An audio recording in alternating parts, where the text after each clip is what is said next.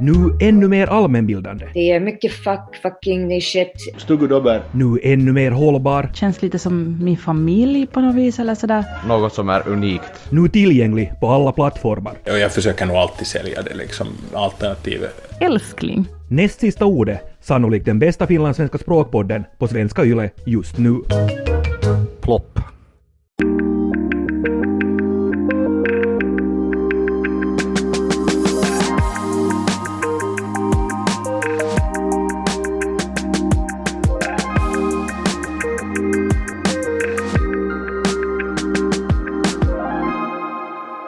Idag är vi bevisligen bäst i test och idag är vi också hela 30 procent mera unika än förra veckan. Näst sista ordet är här med mig Jens Berg, men tyvärr inte med språkexperten Jenny Sylvin. Jenny Sylvin, hon är förkyld och som försiktighetsåtgärd hålls hon hemma idag. Krya på dig Jenny, säger jag. Men istället har jag med mig en annan riktig expert på dagens tema. Jag säger varmt välkommen till Anders Nordensvan. Tack ska du ha Jens. Anders, om jag säger så här, nu vet jag inte om du blir bara generad eller om du tycker att det är pinsamt, men, men om jag säger så här att du vet mera än de flesta i hela Norden, både i teorin och i praktiken, om reklamer och reklamspråk. No, kanske åtminstone av, av, av människor i min ålder, ska vi säga på det sättet. Det är cirka 30 år av studier och av praktik. No, ungefär så ja. ja. Tyvärr studierna tog lite för länge av den tiden. Men om jag frågar så här, hur många första sidor i Nordens största dagstidning Helsingin Sanomat har du författat? Ja, ja, det, där, det är en bra fråga det där. Jag, jag, skulle, jag, jag måste säga att jag, jag kommer inte ihåg. Jag har, jag har varit hemskt dålig på att samla det här. Jag borde ha gjort det och jag har inte gjort det och inte ens min hustru har gjort det för mig. Men jag skulle säga att om du räknar första sidor i Hesari så skulle jag säga att för att nu inte minst fem och max kanske tolv, men om du skulle säga helsidor i Hesari så då skulle man nog få kanske säga 50 stycken säkert. 50 stycken helsidor, eller 50, sidan, 50 stycken första sidor. Inte första sidor. Inte första sidor, men 50 stycken sidor i, i Helsingin Sanomat är inte, är inte illa. Men varför, varför blev det reklam för dig? Ja, alltså jag, har, jag har omedvetet varit alltid fascinerad av varumärken. Och det där ja, ja, ja, liksom det är sånt som man inte då, som kanske som barn inser vad, vad du är intresserad av. Men jag, tänker, jag kommer att det första som jag kan, som jag kan liksom koppla till är att att jag var hemskt fascinerad av olika jeansmärken och hur, det, hur den här, vet du, det här mönstret på bakfickan såg ja. Det fanns då Lee och det fanns Lee Cooper och Wrangler och, och det som jag var fascinerad mest av var, var Levi's och därför går jag fortfarande i Levi's. Ingen reklam här i public service. men, men om man ser då på, på, på alla de reklamer du har skrivit, mm. så är det någon du kommer ihåg? Är det någon som sticker ut som du tänker att, att fortfarande idag ännu, den, den här är jag nöjd med? Alltså det finns ju enskilda reklamer, enskilda reklamer som, som jag det där är, är nöjd med ja, som jag tycker att är roliga. Men det, det, där, jag kan återkomma till det. Men så att det som, när man jobbar med det, så det som jag tycker att är det mest äh, kanske intressanta som man ska vara nöjd med, är när du har utarbetat något, något koncept, ett koncept, en, liksom en grundtanke, som du istället för att göra en bra reklam, ett liksom lyckoskott, så kan du göra 50 bra reklamer. Så sådana såna det där fin, finns det, och det kan jag nämna, får man nämna namn här? Absolut, det, det, kan, det kan jag nämna att jag var, jag var det som jag kanske är mest nöjd över är, är den 11-årsperiod som jag, som jag gjorde reklam för, för bilmärket Skoda i Finland. När jag började jobba, jobba 2001 med Skoda så var marknadsandelen under 2 procent för dem. Och när 2011 slutade så hade Skoda en marknadsandel på över 10 procent. Och det var såklart, det är ju ett internationellt märke, så det vad vi gör i Finland är ju på ett sätt liksom begränsat, men det, var, det, det är jag stolt över. Om du vill höra enskilda reklamer. Mm. Nu blir det rubriker som är på finska. Ja, men det gör ingenting. Så det där, vi, gjorde, vi gjorde i slutet på 90-talet för, för eh, ett sånt bolag numera finns som heter Finnet telefonabonnemang och liksom fasta telefonlinjer. De gjorde varje weekend en reklam för att man skulle ringa till något utland. Det var alltid liksom det här prefixet som du ska ta och så till något utland. Och så skulle man hitta på någonting roligt för det utlandet som var kampanj den yeah. weekenden. Och det där när äh, Eh, det var USA som var i turen 97. Och det där, då kom jag på en rubrik som jag tycker att var bra. Och det var hemskt aktuellt då. Och rubriken var att eh, Linda goes Hollywood, kuka maksaa viulut. Ah, Och det tyckte jag att var ganska bra då. Linda Lampenius, Linda Brava. hade precis flyttat till Hollywood då. Inte så illa, Anders. Vi ska tala om reklamspråk, eller reklamiskan, i, idag. Och då kanske framför allt just ur ett textperspektiv. Men det här med fenomenet reklam så har funnits ganska länge och jag blev ganska nöjd när jag hittade, hittade en, gammal, en gammal grej. För att det, det visade sig redan att de gamla grekerna så skrev reklam för politiker och krogar och annat under antiken för, för 2000 år sedan. Och jag hittade en sån här grej. Det handlar om mynthandlaren Kaikos i Grekland för, för 2000 år sedan. Och hör på det här, Anders. Så här gick det. Lika behandlar min disk både stadsbor och främlingar alla. Vad du lagt ut får du in, räkningen stämmer därmed. Nämne en annan förfall, men även om natten Kaikos växlar åt vilken som vill främmande länders mynt. Tummen upp här! Tummen upp. Antike diktaren Theokritos har återgett den här reklamen. Men vi ska tala om reklamspråket idag och, och bara, bara sådär kort lite basics. En reklam ska för det första ge kunskap om företaget och dess produkter. Kaikos handlar med mynt. Sen ska det resultera i handling, flera ska köpa av företagets produkter förstås, och här har vi då att det är pålitligt att anlita Kaikos. Sen ska det skapa en attityd, skapa en positiv image kring hela företaget och produkterna, och här fick vi ju höra att Kaikos, han var en flitig rackare, för han jobbar också på, på natten.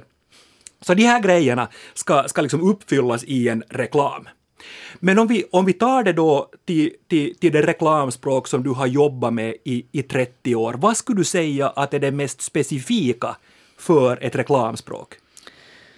Det mest specifika är ju att, att reklamen har ju bara en möjlighet att, att fånga uppmärksamhet. Så du måste lyckas på något sätt fånga uppmärksamheten. Och speciellt om du, du, du är en tidning till exempel, så, som, så är det ofta rubriken som, som fångar uppmärksamheten. Så om, om, om det där, jag vet inte om det här svarar nu på den frågan, att det där i, i reklamspråket, men, men det här liksom det här ramverket, så rubriken måste stämma för att en reklam ska ha en möjlighet att, att det där fungerar. Mm. Och, och då är ju det att, att, att, att då ska reklamen vara som du säger, att det, att det är en chans och då ska det, och då ska det locka. Men ska den vara enkel? Nu, det beror på. Nu, det, här är, det här är en fråga som, som är inte så lätt som man skulle tro. För att det beror på varumärke som du gör den här reklamen för. För det finns vissa, det finns till var, varje varumärke finns det olika typer av förväntningar. Om du säljer en, en vara som det där som du köper från butiken, en dagligvara, du bara plockar någonting, så är det tvål, det, är- det är det där eh, diskmedel, spaghetti, något sånt här. Så, så då ska du inte liksom besvära, besvära kanske den här eh, konsumenten med, med det där argumenteringar som är svåra. Men om du till exempel säljer Rolls Royce-bilar, så ska du kanske inte vara med en rubrik som är alltför enkel, utan du ska ha till exempel en rubrik som David Ogilvy skrev på 50-talet om Rolls Royce, en tre, en tre raders rubrik var han, var det, var han skrev att at 60 miles per hour the loudest voice in this Rolls Royce Silver Shadow is that clicking of the electric watch. Åh, Det, då liksom, du förstår skillnaden mellan Fiery och Rolls Royce här. För det finns förväntningar och du måste uppfylla de här förväntningarna. Men hur är det, hur är det just du, du, du var inne på, på, på, på det fanns någon form av, av, av du var inne på Rolls Royce här, liksom att någon form av ideal eller ska vi säga någon form av, av, av, av image du vill skapa. Hur mycket handlar det om det? Att du, att du ska skapa någon form av, av, av ideal som sen är liksom skönhet, ungdom eller nu hållbarhet eller, eller sådär? Nå, I princip handlar ju allt om det. Det det är, ju, det är ju det där, men, men, men, men äh, det kommer vi igen in till de här olika, olika liksom kategorierna. Att desto mer du betalar för en produkt, desto mer det är ett val. Du väljer och du, och du liksom på något sätt identifierar dig med det valet. Desto mer ska det vara image. Det måste vara någonting som du kan liksom Ja, men, kan du identifiera dig med, ett- med, med ett varumärke? Är det här någonting som, som det där, du kan leva med att, att, att vara en del av eller att bära hem? Och, men, men då när det är som sagt det, det är sådana här produkter som du köper, slängprodukter, billiga produkter som du egentligen tar den som först kommer i handen, så då kanske då kanske det, det, det mer och mer nu för tiden förresten, då kanske det är närmast de här idealerna, det att du kollar bakom liksom, vet du, att var är det här tillverkat, kan jag liksom, kan jag um, slänga det, var, var ska jag sortera det, sådana här saker. Men hur är det, det, det som jag har tänkt mycket på med, med reklamspråk är att, är att, är att ofta ska reklamen signalera någon form av knapphet, alltså det finns en, en, en begränsad resurs, att det är antingen tid eller volym eller mängd eller, eller så. Hur mycket tänker du på, på det när du, när du har skrivit reklamer? Det, det, det, det, det har ju alltid att göra igen med, med det. Om, om du kommer ut, just, just när det är någon, när det är någon det här kampanj, du vet att nu ska vi sälja så här mycket till exempel under, under december månad. Så då är det här ju ett av de, ett av de typiska ex, sätten att göra det, att du, du kommer ut med att här, det finns bara en, en viss mängd. Uh, men, men det är liksom, den här knappheten är också det, det, det, jag kommer hela tiden tillbaka till det här att det är de här olika varumärkeskategorierna. För det. Sen, sen finns det ju sådana produkter som liksom knappheten består i att den är inte för alla. Liksom. Och då blir, det, då blir det den som köper det, så det där är ganska stolt över att köpa det. Så här finns också den här, helt den här, liksom, hur ska man säga, den här faktiska knappheten. Att det finns till exempel, vet du, 300 stycken till de snabbaste. Det är en, en verklig sån här ja. dagsvaruhandel, reklam. Och sen finns det den här att hej, att det kanske inte finns för dig den här att du måste stå i kö för att få köpa den här produkten. Men hur är det jag, jag tänker mycket också på, på humorn och på, och på ordlekar i reklamer. Det finns ju några, några klassiska på, på svenska, ett försäkringsbolag som, som hade en vi försäkrar både eliten och den som är liten, alltså är liten och är liten, mm. och en, en, en ordlek då, eller, eller den gamla, gamla klassiska i Sverige också, att krocka med en Volvo är väldigt säkert om man sitter i en Saab. Hur, hur är det med, med, med, med dig och ord? Får jag kommentera det här? Absolut. Den där försäkringsreklamen tycker jag att det är bra. Den, liksom, den, den, den vers som funkar, den är bra, den liksom, och det, det är rakt på sak och jag skulle kunna tänka mig att jag tycker att ett sånt försäkringsbolag är sympatiskt den här Volvo Saab-grejen, som är Saabs reklam, det är bortkastade pengar. Det är nämligen så att inom reklam så är det något som är jätteviktigt, att du positionerar ditt varumärke. Det vill säga det är någon egenskap som du är överlägsen på. Och om du är överlägsen på den så äger du den. Och Volvo äger trygghet. Om du går ut på gatan och frågar vad är en trygg bil, så säger åtta av tio Volvo utan att tänka på det.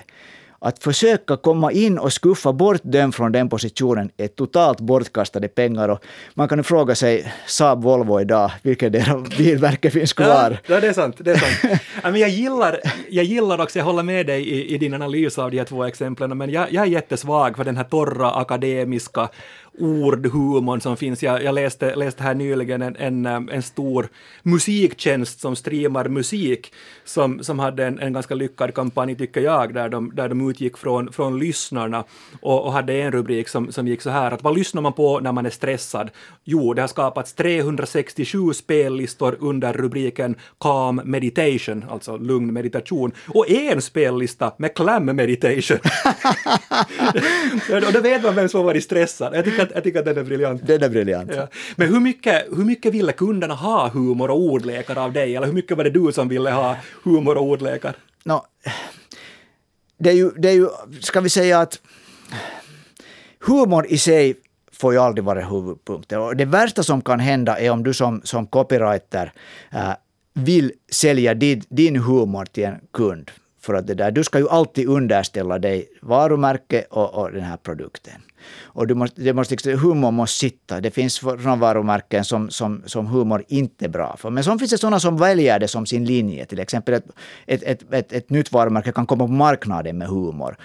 vi tänker till exempel på telefonoperatorn DNA när den i, det där, eh, mycket starkt, mycket starkt det där, tog humor som sitt vapen och det funkar och den var bra och då måste du liksom tänka på det och då måste du verkligen det där, då måste du kunna sälja det. Men, men att, att det där äh, kunderna är hemskt ofta är hemskt ofta det där antingen supernegativa, livrädda för humor, dels för att de tycker att inte har vi en sån reklambyrå som kommer göra så bra reklam. Som liksom den här, den här, hur, man, hur mycket man litar på de människor som jobbar. Och sen kan man tänka att det där att, att, att hur passar det in, att det, fungerar det negativt. Men, och sen finns det då också en, en annan kategori som är sån här att jo, att nu ska vi göra något roligt och sånt. då kan det hända att du som, som, liksom, som reklambyråproffs måste liksom sakta lite bromsa att hey, vänta nu, att att passar det in här? Att liksom, varför, varför gör vi? Gör vi så att du tycker att det är roligt och din hustru tycker att det är roligt? Eller för att målgruppen liksom ska köpa? Men hur, du har jobbat du har jobbat mest, sa du Anders, på, på finska. Du, du har jobbat en del, en del på svenska och du jobbar en del i Sverige också. Ser du kulturella skillnader där mellan liksom vilken reklam exempelvis som går hem i Sverige och vilken som går hem på, i finska Finland?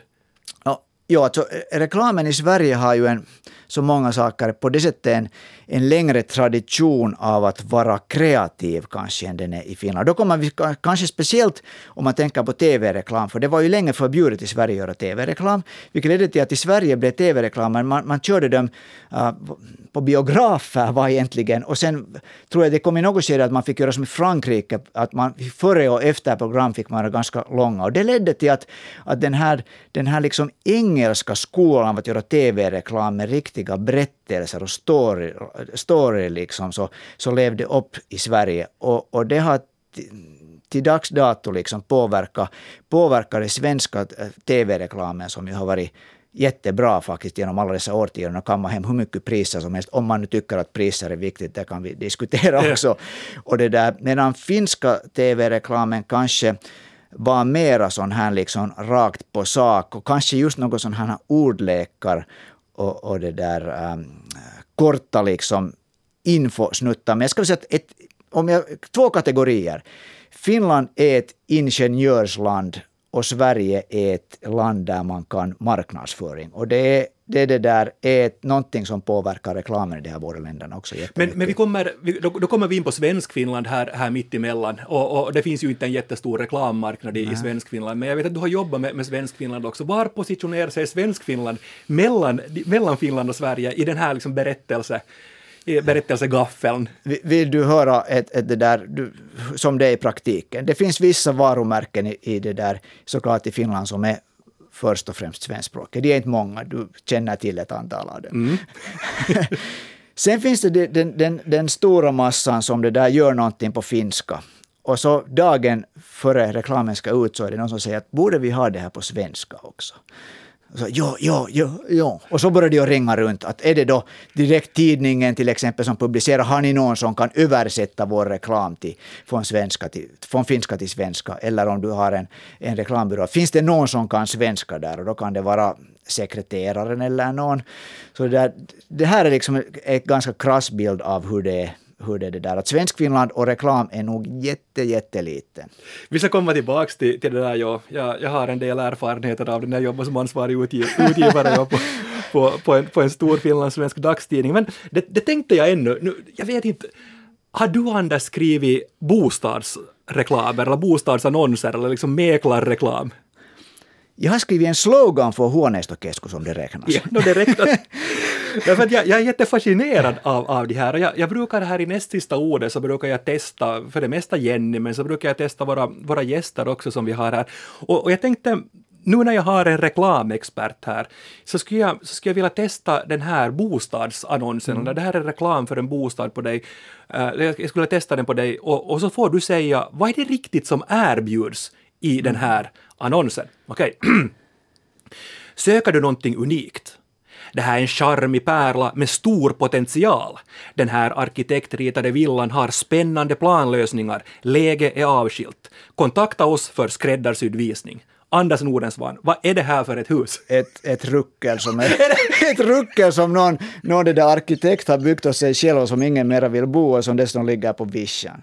Är det, tror du att... Jag tror det! För, för här, här har vi alla fällor. Vi har, det är unikt och det är charmigt och det har stor potential, det är arkitektritade och det är spännande planlösningar och läge är avskilt. Ja. Kom med, med mycket pengar.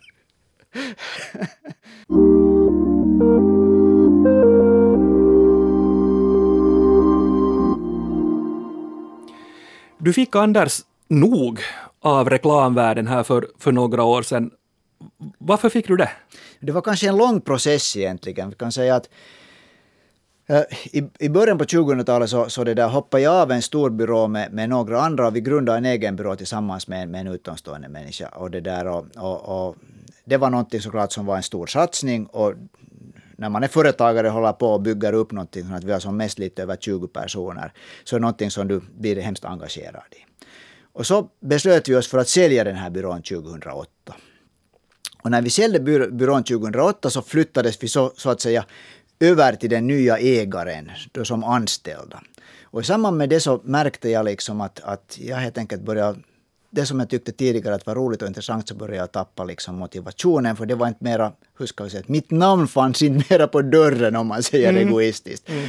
Och det på något sätt, jag kunde inte mera påverka beslut. Och det, det var liksom den här administrativa sidan av det. Sen förändrades också reklamvärlden helt otroligt drastiskt. Det började såklart då när, när, när internetreklamen började, började i slutet på 90-talet. Eh, då började de här första förändringarna, förändringarna att komma och det var liksom, ska vi säga, den, st den stora förändringen ur den som gör reklam var processen. Allt skulle plötsligt gå hemskt mycket snabbare. Jag kommer ihåg ett sådant möte som vi hade med en, med en stor kund för en, för en det där, eh, telefonoperatör och vi, vi pratade om vi skulle ut en kampanj och när vi talade om tidtabellen och då sa jag liksom till det, vår pro projektchef att, att borde vi kanske lite planera här nu först. Och då kommer kunden titta på mig med kalla ögon och sa att att, jag sa att borde vi planera före vi börjar producera? Och då sa kunden att vad är skillnaden mellan att planera och mm. producera? Och det här kanske är ett nötskal det som hände. Och det blev hela tiden och det har blivit snabbare. Och det tycker jag det tog ut allt det roliga från att jobba med reklam. Det är min analys. Ja, så, att, så att egentligen en, en del av själva, av själva skapande, det, det kreativa, mm. menar du att, att, att försvann i den här, i den här vändan? Ja, alltså, ja, såklart. Allt skulle gå snabbare. Du har liksom du måste vara kreativ på 15 minuter istället för på kanske tre dagar. Du kan inte sitta och tänka på en bra idé, det finns inte tid för det. Och när det var det där kreativa i tiden som fick mig att bli intresserad av det så tyckte jag att det började kännas motbjudande. Jag läste, jag läste också att, att, eh, att det handlar om att uh, andelen text har minskat successivt också i reklamerna idag, om vi, om vi ser på de senaste decennierna, att det har gått ner med, med, med, med 30-40 procent om man bara ser till antalet tecken, och det är mera bilder som, som gäller. Mm. Märkte du av den här utvecklingen också? Jo, det, märkte, det märktes nog alltså det där, uh, det finns ju en sån här, det finns ju en sån här det där klyscha klyscha inom det där reklamvärlden och mellan kunderna och det där reklambyrån att ingen läser brödtexten. Att det där att, att det där, ha en bra rubrik och ha namnet på produkten och priset, ingen läser brödtexten. Och den blev hela tiden starkare och starkare, den, det där, den trenden. Och, och det där, um, om man tycker om att skriva och tycker att det, är roligt att komma fram med idéer, så, så det där, det är inte helt negativt. Det är också, det är också fascinerande att kunna komprimera och kunna få det till, till det där till, till kortfattat det vad du vill ha sagt. Mm. Men, men det där att det är en regel och det inte finns något undantag och det blir liksom det enda som är acceptabelt, så det är inte, det känns tråkigt. Och hela den här utvecklingen då från, från internetreklamer i slutet på, på, på, på 1900-talet till, till det att vi nu är inne i en värld där mycket av reklamerna kanaliseras via sociala mm. medier. Hur mycket har du jobbat direkt med reklamer skräddarsydda för sociala medier? No, jag har nog, jag har nog jobbat, jag var hela tiden här, jag började tiden att jobba på den första digitala byrån i Finland med, med internet, internetreklam 97. Sen det där, eh, kan jag väl säga, vi gjorde första Facebook-kampanjen tror jag 2004. Det var, det var inte hemskt många som sysslade med det. Jag tror att, jag tror att rundradion eller Yle inte hade ens Facebook-sida på den tiden. Det där, eh, och där var en följande stötesten, det var bra att du tog fram det här, för att det är gratis. Och det var ju någonting som kunderna tänkte, nu behöver vi inte mera betala för att köpa Nej. annonsutrymme eller tv-tid, vi gör det här i Facebook.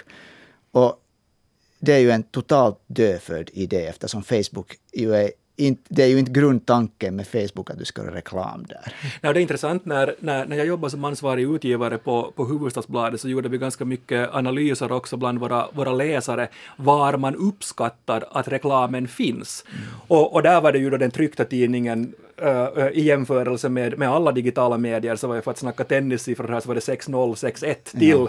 den tryckta tidningen. Där upplevde man att reklamen på något sätt hör hemma medan den i en, i en, i en skärm mera är ett störande element. Mm. Sen, sen ett annat fenomen som ju har dykt upp också under 2010-talet så är de så kallade advertorialerna, alltså där när, när reklamen är skriven som en journalistisk text. Alltså den ser ut som en artikel med en rubrik, med en ingress, med en brödtext, med mellanrubriker och med citat och med bild och, och, och så vidare. Ägnar du dig åt, åt det också? Jag har nog gjort någon enstaka advertorial och jag tror att det har varit för någon sån här det där mm, av de här produkterna som är mittemellan medicin och, och det där och, och sånt som inte är medicin. Och det där jag tyckte inte Kvacksalveri menar ja, och jag, jag måste säga att jag, jag, jag tyckte inte hemskt mycket om att göra dem. Jag tycker inte om dem och det där. Jag, jag, det där jag, jag förstår inte människor som köper produkter baserat på sådana, om jag säger helt ärligt. Här, här får du vara jätteärlig. Nej, men det är intressant med de advertorialerna, för jag kommer ihåg att, att, eh, att jag som ansvarig utgivare, eller, eller vår tidning Hufvudstadsbladet då, så, så åkte dit till opinionsnämnden för massmedier när advertorialerna kom, för att, att vi hade det inte tillräckligt, vi hade inte tillräckligt tydliga signaler i, jag vill minnas att det här var i, i den tryckta tidningen, att det här var en, en, en, en, en, en reklam. För att reglerna för reklam är sådana att kommersiella meddelanden får inte gömmas i annan kommunikation. Annonsören ska vara identifierbar i marknadsföringen och smygreklam eller dold reklam är aldrig godtagbart. Och, och, och, vi åkte dit, vill jag minnas, för att det var, det var inte tillräckligt stor skillnad på fonterna, inte tillräckligt stor skillnad på färgvärden och rubriceringen och, och så vidare. Men hur mycket, det, det, vill jag ännu ställa dig som en sista, sista fråga, Anders, hur mycket var det, var det någon form av grå zon för dig när du, när du funderar att, att, att, kan du stå bakom det här löftet eller kan du stå bakom den här reklamen? Är, är den här en sån du kan se dig i, i, i spegeln på morgonen när du har skrivit? Tänker du specifikt på advertorial eller reklam överhuvudtaget? Jag tänker reklam överhuvudtaget. Uh, no, jag hade, ska vi säga att, uh, no, som tur gör man ju inte tobaksreklam i Finland, för det skulle jag ha vägrat att göra. Jag, det där, jag ställde mig jätte jättenegativt. Jag, ta, jag vägrar någon gång att vara med i någonting som hade med, med det där no, partier att göra. Jag har gjort det där också politisk reklam. Det har sen varit frivilligt senare. Det där... Uh, uh, i, jag hamnar egentligen inte ut för sådana situationer där jag skulle ha... Som tur, jag måste säga att som tur hamnar jag inte direkt ut för sådana situationer där, när, när, där jag skulle ha gjort reklam för ett sådant varumärke som jag inte på något sätt skulle ha kunnat liksom leva med att göra reklam för. Det skulle ha varit svårt för mig, men inte kan jag säga...